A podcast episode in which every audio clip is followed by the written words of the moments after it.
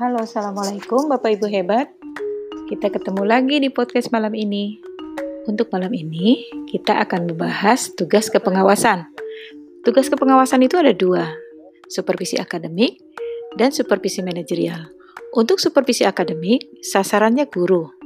Dan supervisi manajerial, sasarannya adalah kepala sekolah.